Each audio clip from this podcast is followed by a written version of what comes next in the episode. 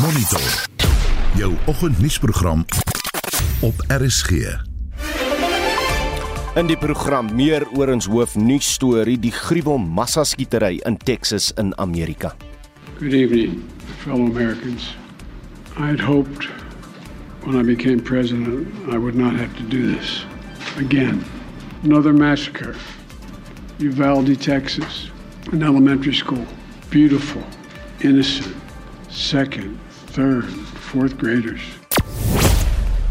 18 kinders en 3 volwassenes is afgemaai. Ons het meer daaroor in ons wêreldnuus na 07:30. Kommer is aan die toeneem oor volgende week se brandstofprysstygings van 'n geskatte R3.50 per liter. The worst possible news will ever face South Africans is going to come to us next week when our fuel prices are going to increase by 3 rand 50 a litre. It's never happened before in our living history. En die minister van Polisie Bekkie Cele sê nagenoeg 30 miljoen rand sal vir die stryd teen bendegeweld beskikbaar gestel word. Western Cape province has the lion's share of this budget with 10 million allocated towards preventing, combating and investigation gang violence in that province. Welkom by Monitor. Ons span vanoggend is redakteur Hendrik Maten, produksieregisseur uh, Johan Pieterse en ek is Oudou Karelse.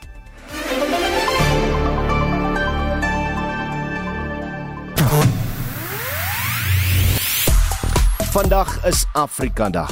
Die dag word herdenk as die dag waarop die destydse organisasie vir Afrika Eenheid in 1963 gestig is. En ons brandpunt vraag vanoggend wil ons egter op 'n ander manier daarna kyk, want baie Suid-Afrikaners besoek die Afrika vaste lande elke jaar vir 'n vakansie of dalk vir besigheid. Nou wil ons weet, het jy al na ander lande in Afrika gereis en wat was jou ervaring? Stuur 'n SMS na 45889. Dit kos jou R1.50 per boodskap of praat saam op die Monitor en Spectrum Facebook bladsy. Jy kan ook vir ons 'n stemnota van of ons Facebook bladsy stuur. Klik net die message knoppie bo aan die bladsy of gebruik Messenger om dit te doen of stuur vir ons 'n stemnota op WhatsApp. Gebruik die nommer 076 536 6961. Die Suid-Afrikaner Lloyd Harris word uitgeskakel by die Franse Ope. Die Gujarat Titans dring deur na die IPL-eindstryd en 'n Springbok-speler keer terug na Suid-Afrika. Ek is Shaun Jooste en is later terug met meer inligting. Op Twitter is die lang hitsmerk NPA says police brutality is okay gewild nadat die NVG onskuldige mense tussen aanhalingstekens voor die hof daag maar versuim om wandade in eie geleedere te vervolg. RIP rest in peace Jamie Bartlett is 'n gesprekspunt waarin hulde gebring word aan die akteur wat op 55 jarige ouderdom gesterf het. Die ander hitsmerke daar is sy karakter David Gennaro wat hy in die CP Rhythm City vertolk het.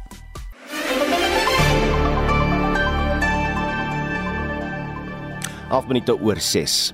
Studente van die Universiteit van die Vrystaat eis dat die bestuur 'n saak van beweerde verkrachting vinnig afhandel. Hulle wil hê die vermeende oortreder moet onmiddellik geskort word. Dit volg na beweringe van 'n verkrachting wat glo in Maart by een van die koshuise op die kampus plaasgevind het. Die studente het op kampus betoog en 'n memorandum aan die universiteitsbestuur oorhandig. Hulle eis die skorsing van die vermeende oortreder. Hulle sê hulle wil geregtigheid vir die slagoffer hê. As a female student, I don't feel safe because, first of all, these cases we had to, as students, go about ourselves finding process into what's happening because the university didn't even release any statement telling us about the case. country finds itself in a crisis and the institution once again neglects the call for women and will not allow uh, the university or students to hide behind, behind uh, the University of the Free State. I feel that it's very important to stand together as women and as students because we don't know how this affected the, the person that was affected by the rape case. I mean, it could have been me, it could have been a sister of mine, it could have been someone that I know, you know. Die EFF sê is bekommerd oor die algemene veiligheid van studente op kampus. Die party se geslagsbeampte, Asange Ndleleni, verduidelik. As the EFF Student Command in the UFS, we're trying to achieve that management must give importance to these cases that are being reported to them, especially in cases of sexual assault. And considering that the country itself is not giving much importance to GBV um, cases all over, we want them to fast track their investigation, ensuring that the victims are given their justice. Die studenteorganisasie SASCO het die tempo waarteen die universiteit die saak hanteer gekritiseer. Die organisasie sê die vertragings is ontwrigtend vir sowel die slagoffer as die oortreder. Die kampusvoorsitter, Nhlakanipo Malu, sê die saak moet afgehandel word. We are very much afraid of the university processes in a sense that protection services hasn't done so much about this hasn't finalized the processes of internal processes to ensure that the case is taken to SDMU for disciplinary hearing Die South African Union of Students het die voorval as betreurenswaardig en skandelik beskryf. Die woordvoerder, Asiwe Dlanjwa, sê voorvalle van seksuele aanranding van vroulike studente kom nou algemeen voor. Two months later. Nothing has been done to bring justice for the survivor of that rape incident. So we are very much obviously angered by this because it appears that the university is protecting its reputation at the expense uh, and at the dignity and at the life of the survivor. Die universiteitsbestuur sê hulle neem alle gevalle van seksuele aanranding ernstig op. Hulle voeg by dat interne prosesse reeds aan die gang is. Die universiteit erken dat kommunikasie dalk stadig was. Hulle sê egter dat die universiteit nie geslagsgebaseerde geweld duld nie. Die uitvoerende direkteur van studente sake, Stembach Slasho, The university management takes gender based violence very seriously, and every incident of gender based violence, we take it very seriously. I can give you an example. Just last month at Kwakwa campus, there was a similar incident. A student was dismissed who is an SRC member. So we take these matters very seriously. This one as well, there could have been maybe delays or maybe communication was not enough. I think we could maybe improve on communication. Die universiteit sê hulle het berading aan die slagoffer beskikbaar gestel. Hierdie bydra van Kamogelo Sekui in Bloemfontein en ek is Hendrik Martin vir SAK nuus. Talle organisasies het die afgelope tyd met groot kommer gereageer op volgende week se verwagte brandstofprysstygings. Daar word geskat dat dit meer as R3.50 'n liter kan wees. Ons praat nou hieroor met Sonja Kastens, die woordvoerder van die motorbedryfvakbond MISA. Sonja, goeiemôre. Goeiemôre en baie dankie dat julle met Misa gesels. Die regering het beloof dat hulle die formule waarmee brandstofpryse bereken word sal hersien. Weet ons egter dat daar wel so 'n proses aan die gang is? Nee, glad nie. Ons het reeds op 11 Maart gevra om deel te wees van hierdie komitee wat die brandstof moet hersien, die brandstofpryse samestelling, en ons het nog geen antwoord tot op hede gekry van die kantoor van minister Kwedi Mantashe, minister van minerale en energie sake nie. Ons kry wel leer beloftes. Elke week word daar vir ons gesê nee, daar sal volgende week reageer word. Die persoon moet reageer is met siek verlof en so gaan dit aan. Maar geen besliste antwoord nie en definitief nie 'n aanduiding oor wat aan die gang is nie. So hoekom dink jy word julle buite die proses uh, gehou? Wel ek dink die regering probeer dit so na as moontlik um aan aan aan die regeringskringe hou. Uiteraard die meer belangegroepe daar is, hoe weier gaan hulle moet dink. Die realiteit is dat dit nie langer 'n probleem is wat net die regering oor vir oplossings kan vind nie. Die brandstof die die eskalering van die brandstofprys is besig om ons almal aan die sak te ruk. So of jy nou 'n werkgewer is of jy nou 'n werknemer is, dit is besig om die ekonomiese groei in totaliteit te kelder en ons moet saam planne maak hieroor. Wat sou insit sou julle wou lewer in in die verandering van die brandstof uh, prysformule? Wel, dan moet daadwerklik gekyk word na die padongelukke fonds en die heffing wat daaraan afgestaan word. Ons almal weet die padongelukke fonds was nog nooit effektief nie. Die geld kom nie werklik by die slagoffers uit nie en dit gaan in 'n handjie vol ehm um, individue uh, se sakke in wat weet hoe die stelsel te misbruik. En dan ook dan die samestelling van die algemene brandstofheffing wat geweldig hoog is as ons dit vergelyk met ander lande. Ons kan nie 'n situasie hê waar Botswana en Mosambiek iets soos 15 rand per, per liter betaal. In Suid-Afrika sit nou waar ons uh, amper amper 25 rand gaan betaal uh, van van 1 Junie af nie. Die regering het nou die rand 50 verligting gegee vir April en Mei maand, hmm. maar dit is dit, dit is van kort te duur. Daar's geen blywende oplossing nie en ons het 'n blywende oplossing nodig. Gaan gaan ons werklik 'n verhoging, 'n stygings van R3.50 sien vir uh, 'n liter volgende week sien? Wel ja, die die, die kyk die regering kan kan niks doen om die prys van die olie te te reguleer nie. Dit dit is iets wat internasionaal bepaal word. En met die inval van Rusland in Oekraïne bly die brandstofprys is is kos se skommeling baie onstuimig. So dit is 'n situasie waar ons glad nie kan voorspel wat dit gaan doen nie, maar ons sien van Januarie af hierdie geweldige prysstygings. So met die 1.50 het ons dit nou vir 2 maande nie gevoel nie, maar motoriste gaan dit baie beslis hierdie nou nou in Junie begin voel. Wat is die grootste prioriteit as dit kom by by alternatiewe voorstelle oor die brandstofprys? Wat is die een ding wat julle as Misa uh, wil doen? Wel ek dink net net om deel te raak van die gesprek, net om ehm um, ander oplossings op die tafel te kry. Ehm um, daar is baie voorstelle wat uh, die afgelope paar ma maande in ander dele van die wêreld gedoen is. Maar een van die grootste goed is maar die die die opheffing van brandstofheffings vir, vir belastingdoeleindes. Met ander woorde om alternatiewe bronne van belasting te kry. Nou Misa voel baie sterk daaroor ons sit met 'n taxi bedryf wat uh, een van ons grootste sektore is, maar wat feitelik glad nie bydra tot die staatskas nie. En daar moet 'n manier gevind word om te sorg dat jou taxi eienaars ook hmm. belasting betaal. En dit gebeur nie. Dis iets wat die regering al baie lank oordryf en baie bekommerd is oor, maar dit is 'n ongereguleerde bedryf en dit kan nie so aangaan nie. En dit was die woordvoerder van die motorbedryf vakbond Misa Sonja Kastens. Monitor jou oggendnuusprogram op RSG. Vandag sal die drukgroep Kopanong Africa Against Xenophobia by die kantore van die Suid-Afrikaanse Menseregte Kommissie in Johannesburg betoog. Volgens die organisasie vind dit nou gedurende Afrika Maand plaas weens die toenemende xenofobie in die land. Die woordvoerder Sharon Ekambaram sê hulle sal ook 'n memorandum aan die Menseregte Kommissie oorhandig. Winsin Mofokeng het meer besonderhede. Hierdie aksie vind plaas gedurende Afrika Maand op 'n tyd wanneer Suid-Afrika 'n toename in xenofobiese aanvalle ervaar die organisasie Kopanang Africa Against Xenophobia sê hulle is ontstel oor hoe die vlamme van nasionale chauvinisme deur politieke leiers aangeblaas word en omgesit word in 'n beleid wat net dien om die plaag van xenofobie te wettig. Die organisasie se woordvoerder, Sharon Ekambaram. So we would like to engage with the South African Human Rights Commission which has a mandate to ensure that the respect for human rights and for respect for human dignity is revered in our country, is protected, and we abide by that, which is a constitutional obligation.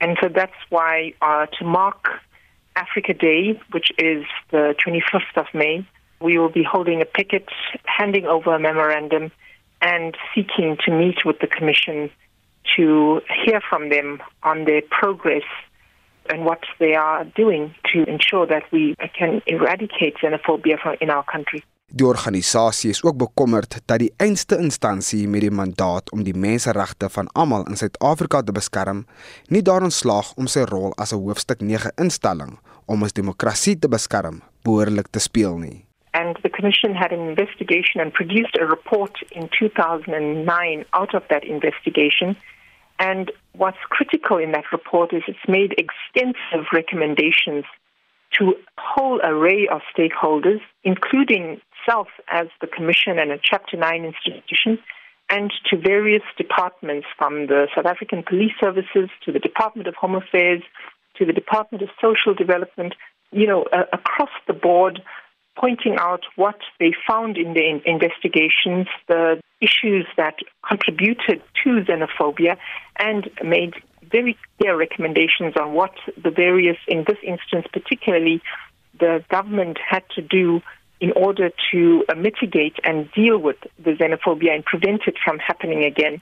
And unfortunately, over 10 years later, we see that these infringements continue to take place with political leaders making unsubstantiated statements blaming foreign nationals for the crime in our country, blaming foreign nationals for the unemployment. And in a climate of violence that we are seeing, it's fueling this violence and, and lives are lost.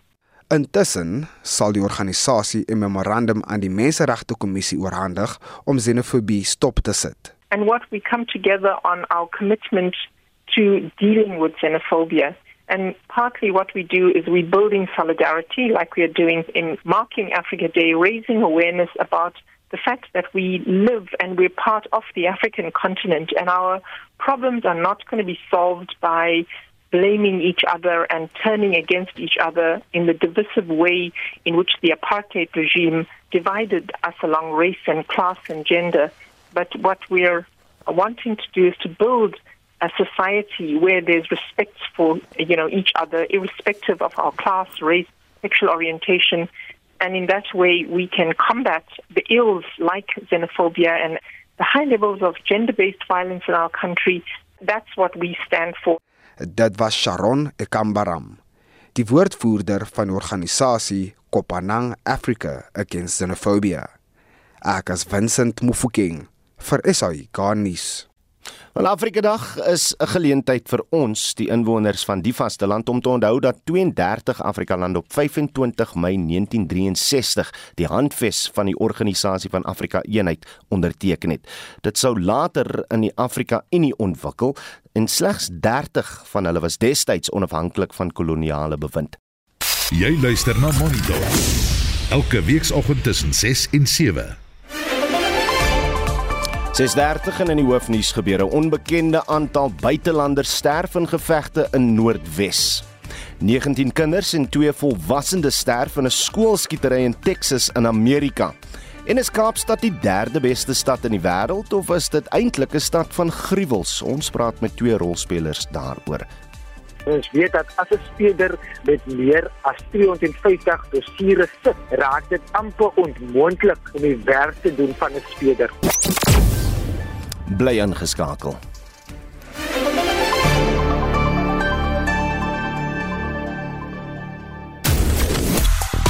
Ons brandpunt vraag vanoggend vra ons na watter Afrika lande het jy gereis en wat was jou ervaring gewees? Christy Khaled sê Botswana, Namibië, Lesotho en Swaziland oftewel Eswatini. Uh dan sê Martin Creer Malawi altyd 'n plesier, Mosambiek gemengde gevoelens, Botswana baie geniet, Zambië altyd lekker, Zimbabwe nie my gunsteling nie. Uh Louis Bester sê nee, die Afrika Dag ons moet iets aan aan die brand steek of 'n trok, lood of iewers nonsies gaan aanjag om Afrika Dag te dink. Louis, jy kan nie dood eenvoudig sê jy het nog nooit na 'n ander Afrika land toe gereis nie en dat jy uitkyk baie. Nou as jy hoef nie 'n lieflike geselsie so lelik te maak nie. Marian Durker sê Namibië pragtige land. Rensha Maslow, uh Maasdorp sê Botswana is 'n pragtige land met vriendelike mense en 'n plek waar uh, wet en orde gehandhaaf word. 'n Lieflike plek inderdaad. Dan op die SMS lyn sê Corneille, ek was 'n paar jaar terug in Burkina Faso vir besigheid vir 'n maand lank. Dit was nog 'n belewenis van derde wêreld. Ek vertel tot vandag toe nog al die stories stories uh en wat ek ervaar het, bietjie uh, leer Frans praat, beste brood tot op datum daar geëet wat vars elke oggend op 'n fiets afgelewer word. Dit was Corney se SMS. Stuur gerus meer van julle terugvoer uh SMS na 45889. Dit kos jou R1.50 per boodskap of praat saam op die Monitor en Spectrum Facebook bladsy. Jy kan ook natuurlik op die Facebook bladsy vir ons 'n stemnota stuur klik net op die message knoppie bo aan die bladsy of gebruik Messenger om dit te doen. Op WhatsApp stuur jou stemnotas na uh, 076 536 6961.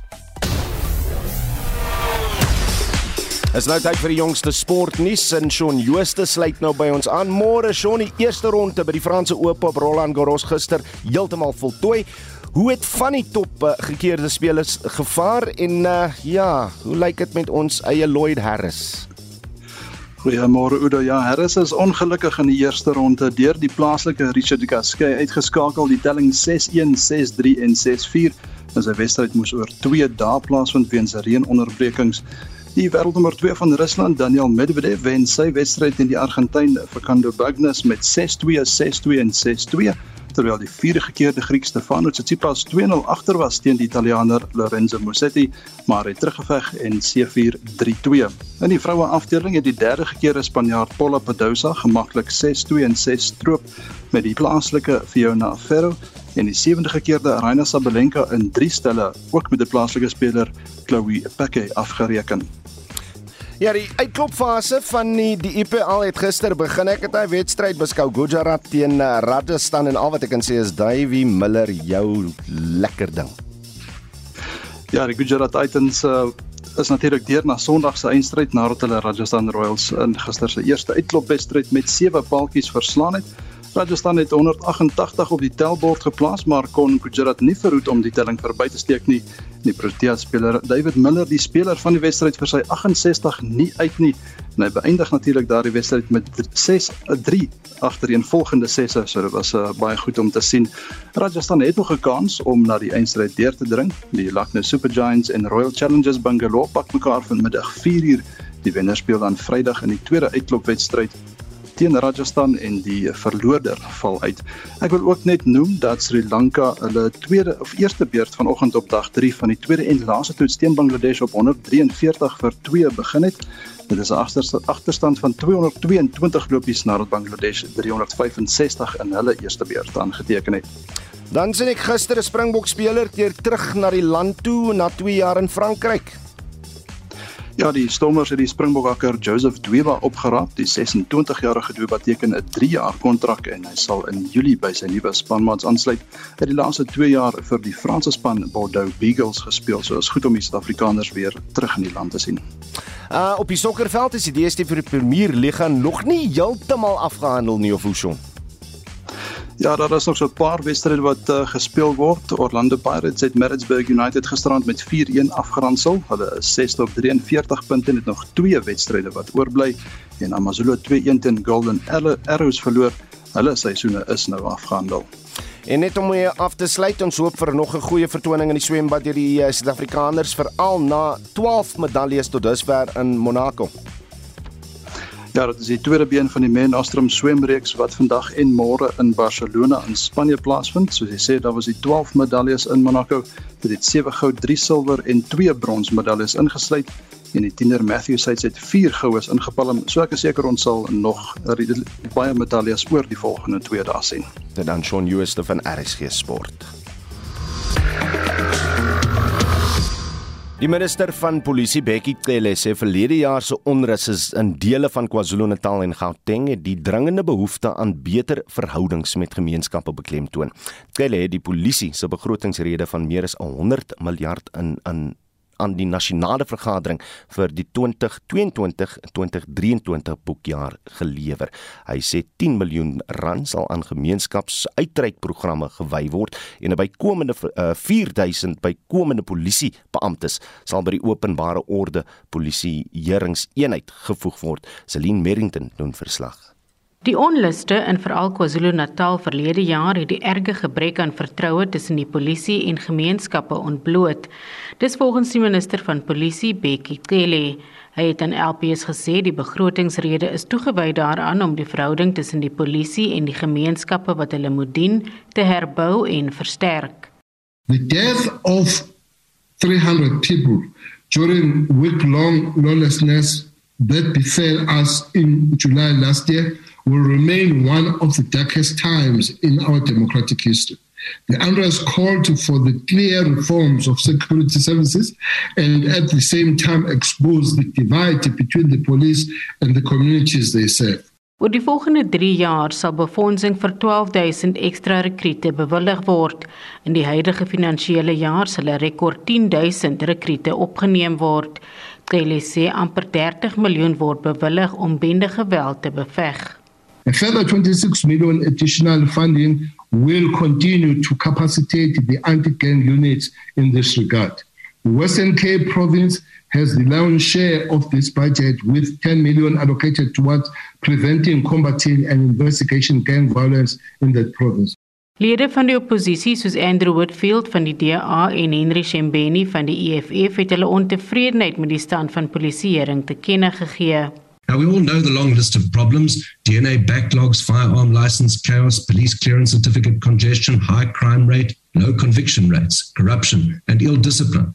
Behind these problems are people who have either been thrust into positions beyond their capability or people who suffer from debilitatingly low morale, using outdated systems and often working in buildings which should be condemned.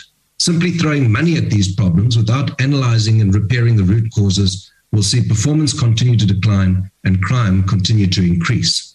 Thank you, Honorable Chair. Why is it that you do not know the root causes of these mass shootings? Why have you failed to identify the masterminds behind these shootings? Why have you not dismantled the protection fee racket in the townships of Cape Town, Minister? Are you not aware that the protection fee racket has made it impossible for young people in the townships to open their own businesses? Die Vryheidsfront Plus leier Pieter Groenewald en ACDP leier Kenneth Meshwe het ook aan die debat deelgeneem. Now over the last 5 years since 2016, 2017 to 2020, 2021 there were 3405 3405 firearms stolen or lost by members of the police services. Of those, only 1,674 were recovered. In other words, there are 1,731 firearms still in circulation amongst criminals.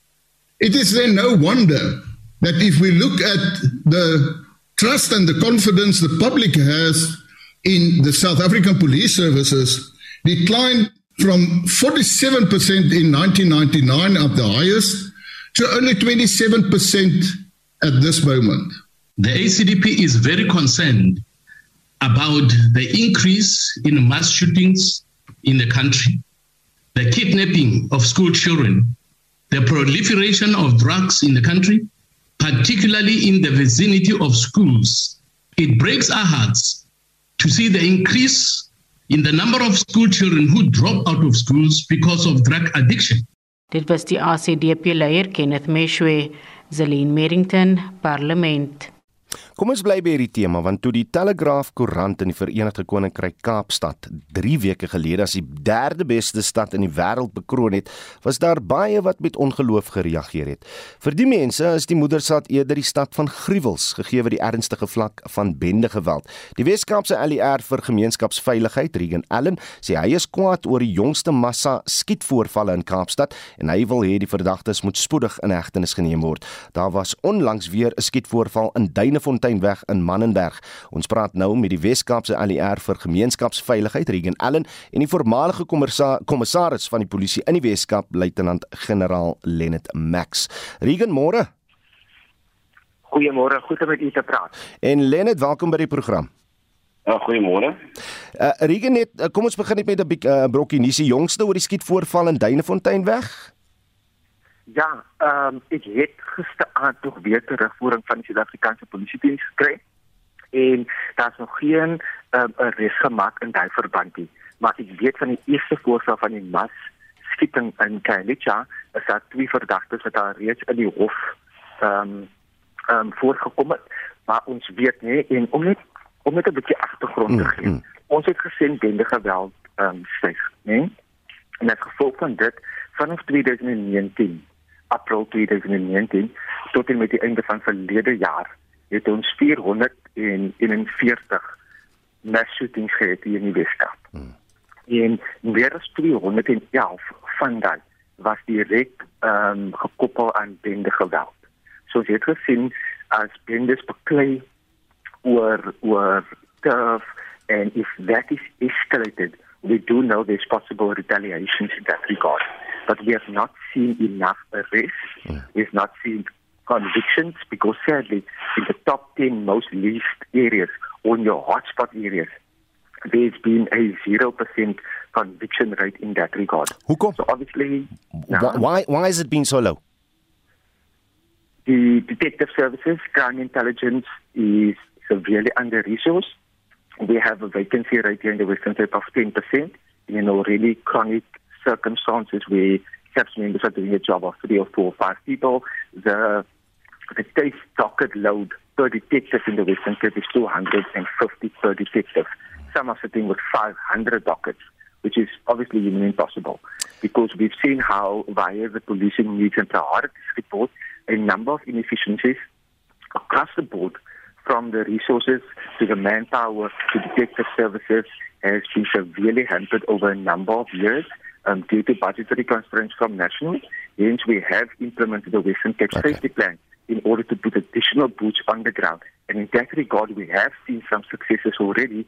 For example, Nyanga is no longer the murder capital of South Africa. An area like Kraaifontein, also riddled with gangsterism and drug abuse, had in the last quarter a, a drop in the murder rate of 40.5%. Okay. So there has been there has been successes, but obviously there's still a long way to go in that regard. Hence we are so keen to continue working with the South African Police Service here in the Western Cape. Okay, uh, let's Ensure let's let's give Leonard. Max. Kom ons gee vir Leonard Max ook 'n kans asseblief. Uh Leonard môre.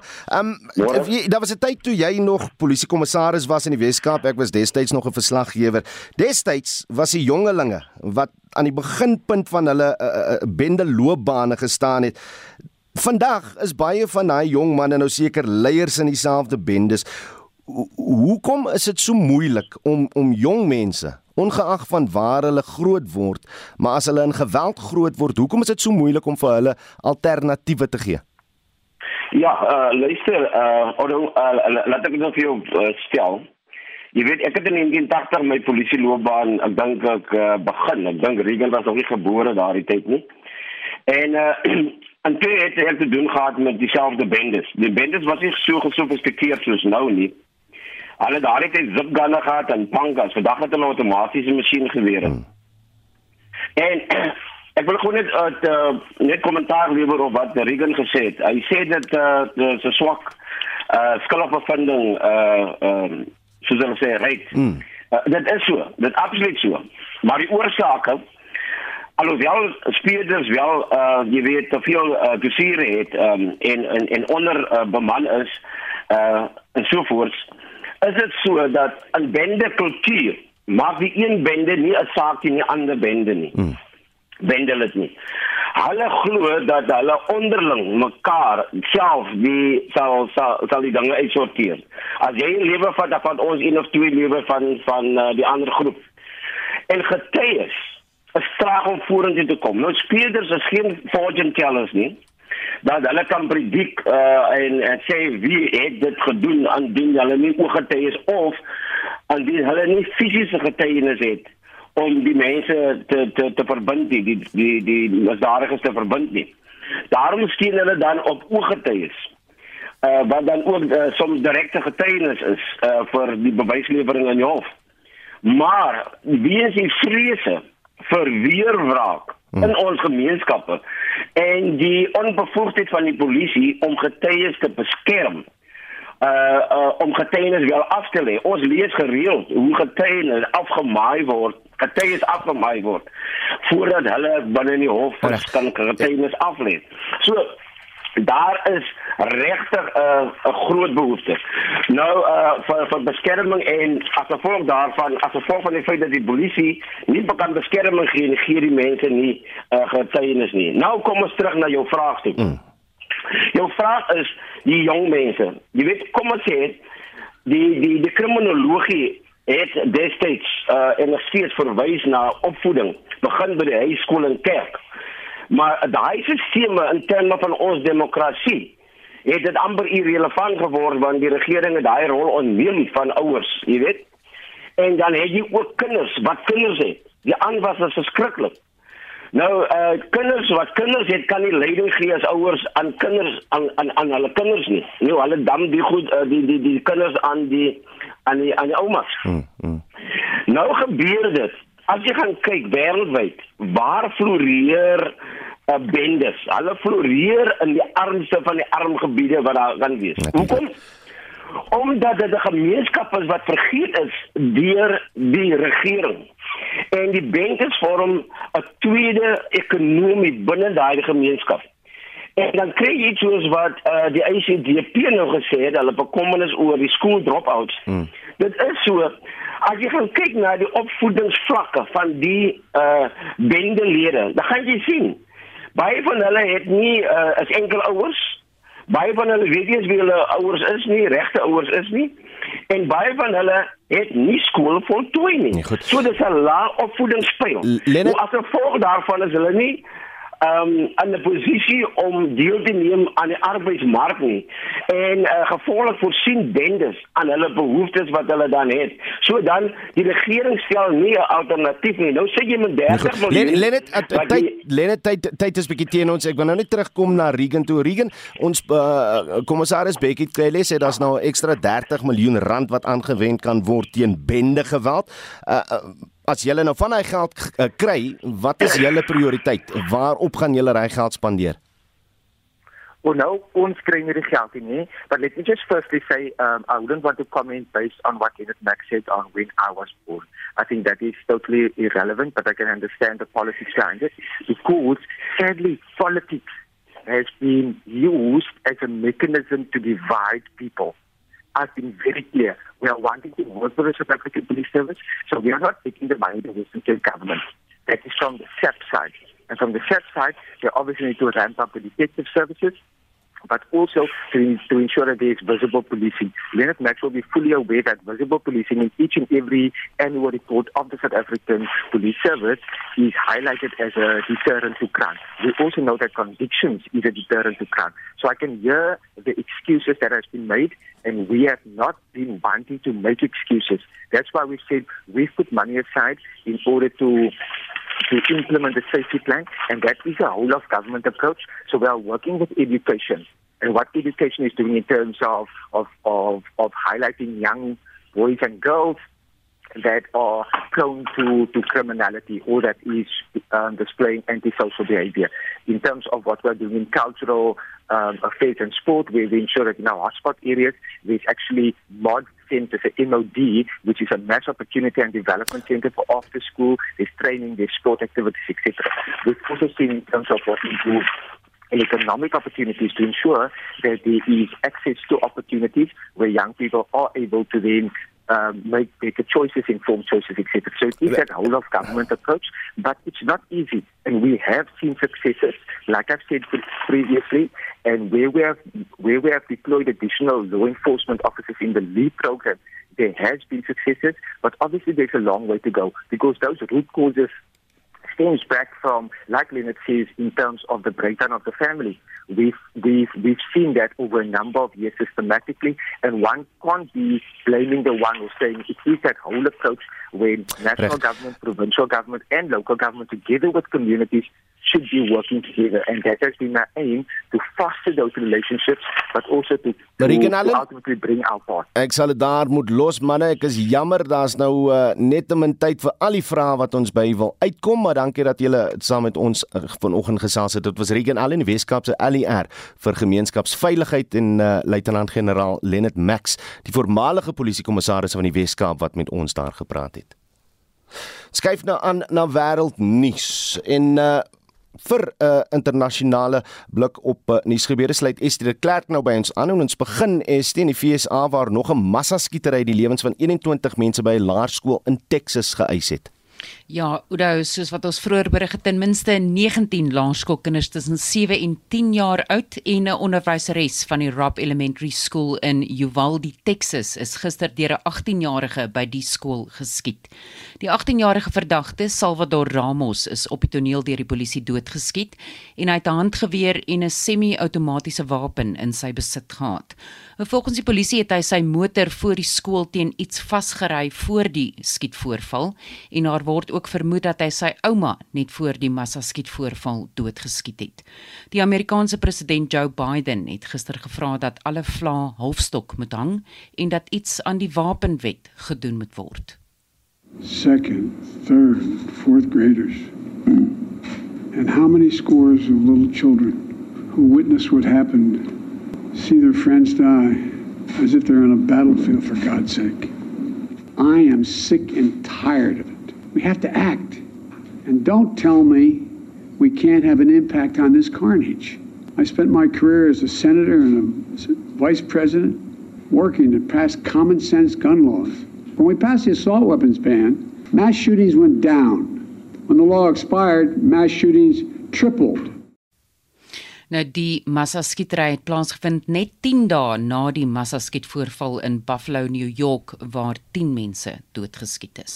Ons het gister op aappokke uh net so 'n bietjie gefokus het en ek sien die virus is nou in nog 3 lande opgespoor. Dis reg Oudo, die eerste gevalle van die virus is nou ook aangeteken in die Verenigde Arabiese Emirate, die Tsjechiese Republiek en Slovenië. So daar is nou net meer as 230 gevalle van die virus in 21 lande buite Afrika aangemeld, onder meer in Europa, die VSA en in Australië. Van Afghanistan se minister van finansies tot 'n taksi-bestuurder in Washington DC in die VSA, die voormalige minister van finansies van Afghanistan, Khalid Payenda, sê hy moes uit die land vlug toe Afghanistan deur die Taliban oorgeneem is. Ja, Udo Payenda het 9 maande gelede na die VSA gevlug. Hy het as minister bedank net daar voordat Kabul deur die Taliban oorgeneem is en hy sê hy moes doen wat die beste vir sy gesin was om te oorleef, maar dit was vir hom baie swaar.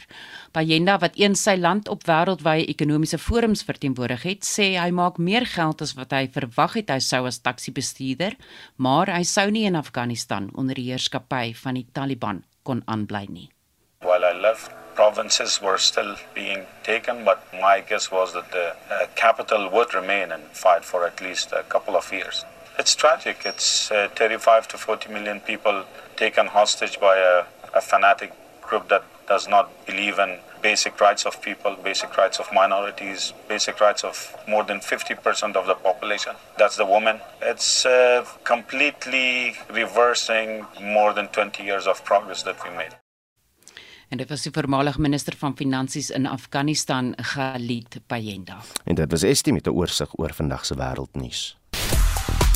Ons vra vanoggend in ons brandpunt vraag aangesien dit Afrika Dag is, watter Afrika lande het jy al besoek en wat was jou ervarings daar gewees?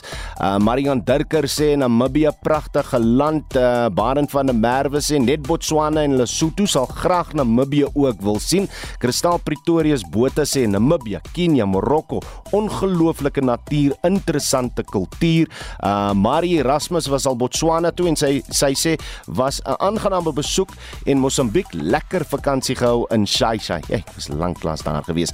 Jack Waterboer sê ek was op 'n geestelike uit uitreik program vir 3 weke in Zambia en vir 2 weke in Lesotho, maar dit was uh, Lesotho maar dit was sedert uh, 2006 en 2007. Dit was vir my persoonlik 'n lewensveranderende ervaring met die absolute gras, gasvryheid van mense in hierdie twee lande en hy sê groetnis uit Strydenburg. Uh net so vinnige SMS of uh, ja, dis 'n SMS eh, Chris van uh waar sy van Gauteng. Sê ek was in 1981 en 1986 laas as kind in Namibia toe ons perd trein na Swakopmund uh, uh Swakopmund in Walvis Bay gery het. Verder was ek nog net in 2012 in Gauteng. Chris, baie dankie vir die boodskap. Net so vinnig 45889 kos jy R1.50 per boodskap. Stuur vir ons nog so 'n paar SMS'e. Mense gesels by die hitsmerk America na die soveelste skoolskietery die keer by die Robb Elementary School in Texas. Soos wat Estie vroeër berig het, is minstens 19 kinders dood en 3 en 1 onderwyseres. Dan het die Russiese president Vladimir Putin honderde mense verbied om na sy land te reis. Onder hulle is die Amerikaanse president, Facebook se Mark Zuckerberg en die akteur Morgan Freeman. En nou wil Twitter weet wat het Morgan Freeman gesondig. En dit dan al van die monitor span ons môreoggend tussen 6 en 7 terug. Totsiens. SAK nuus. Onafhanklik, onpartydig.